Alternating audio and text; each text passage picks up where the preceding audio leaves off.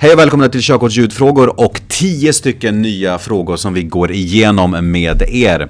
Tittar du på det här via Youtube så får du gärna prenumerera och lyssnar du på det här via Spotify eller din podcastspelare så får du gärna prenumerera där med så att du inte missar något avsnitt i framtiden. Glöm inte att följa oss på Instagram där jag i våran story ställer en fråga så här nästan varje dag. Men nu startar vi med 10 stycken frågor och går igenom dem med er. Fråga nummer ett lyder Får man köra barn under tre år utan bilbarnstol? Nej, men barnet får åka i baksätet i en taxi en kortare sträcka. Så det kan vara en sån här uh, tricky question jag vet inte varför jag pratar engelska, men en, en, alltså en sån här fråga som man kan snubbla vet över och svara eh, fel på. Eh, fråga nummer två. Vad är farligt med att köra i mörker där gatubelysning saknas eller är ur funktion? Och här är rätt svar fotgängare utan reflexer. Och ni kommer verkligen märka vet du, sen när det är mörkt vet du, ute hur svårt det kan vara att se fotgängare utan reflexer. Vi fortsätter. Alla färdmedel, eh, alla färdmedel är inte lika farliga för miljön. Vilket färdmedel är minst farligt för miljön?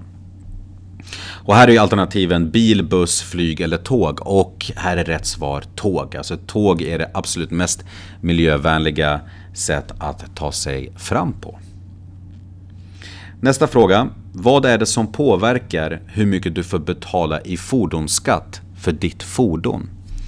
Och här är rätt svar eh, fordonets koldioxidutsläpp. Så att beroende på hur mycket ditt fordon släpper ut så eller ju mer du släpper ut eh, koldioxid ju mer får du betala i eh, fordonsskatt. Nästa fråga.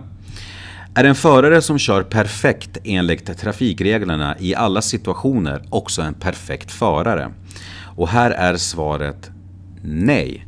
För att en förare som följer reglerna eh, strikt utan, eh, utan undantag är, är en förare som också inte är flexibel för vad som faktiskt sker i trafiken och det är inte heller bra. Så att man ska följa reglerna givetvis men beroende på omständigheter så måste man också vara flexibel att kunna anpassa sig för, trafiksäkerheten, eh, för trafiksäkerhetens skull.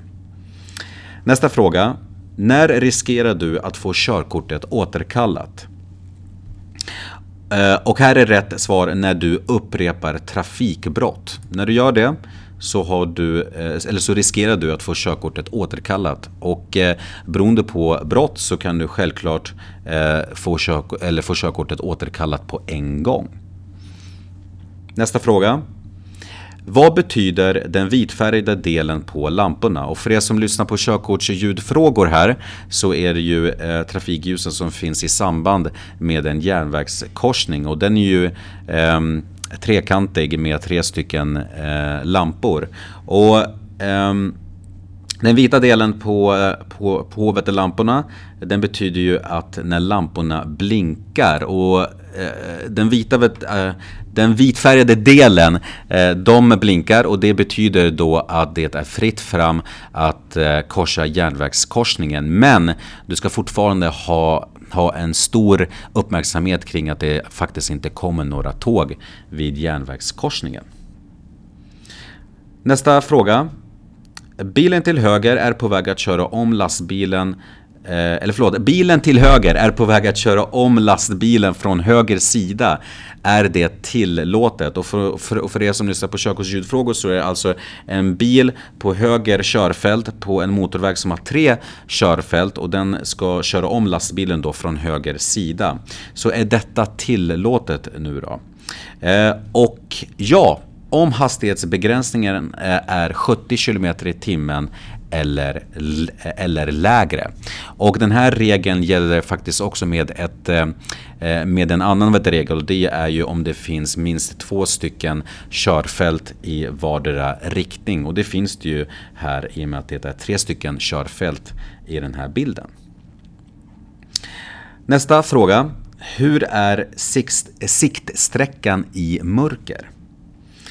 Och rätt svar här det är ju att den kan vara 0 meter när man bländas. Och jag eh, hoppas att du inte kommer att vet, bländas, men risken är stor att du kommer att bländas vet, någon gång i, eh, i vet, trafiken. Och då kan man verkligen för en kort stund inte se någonting.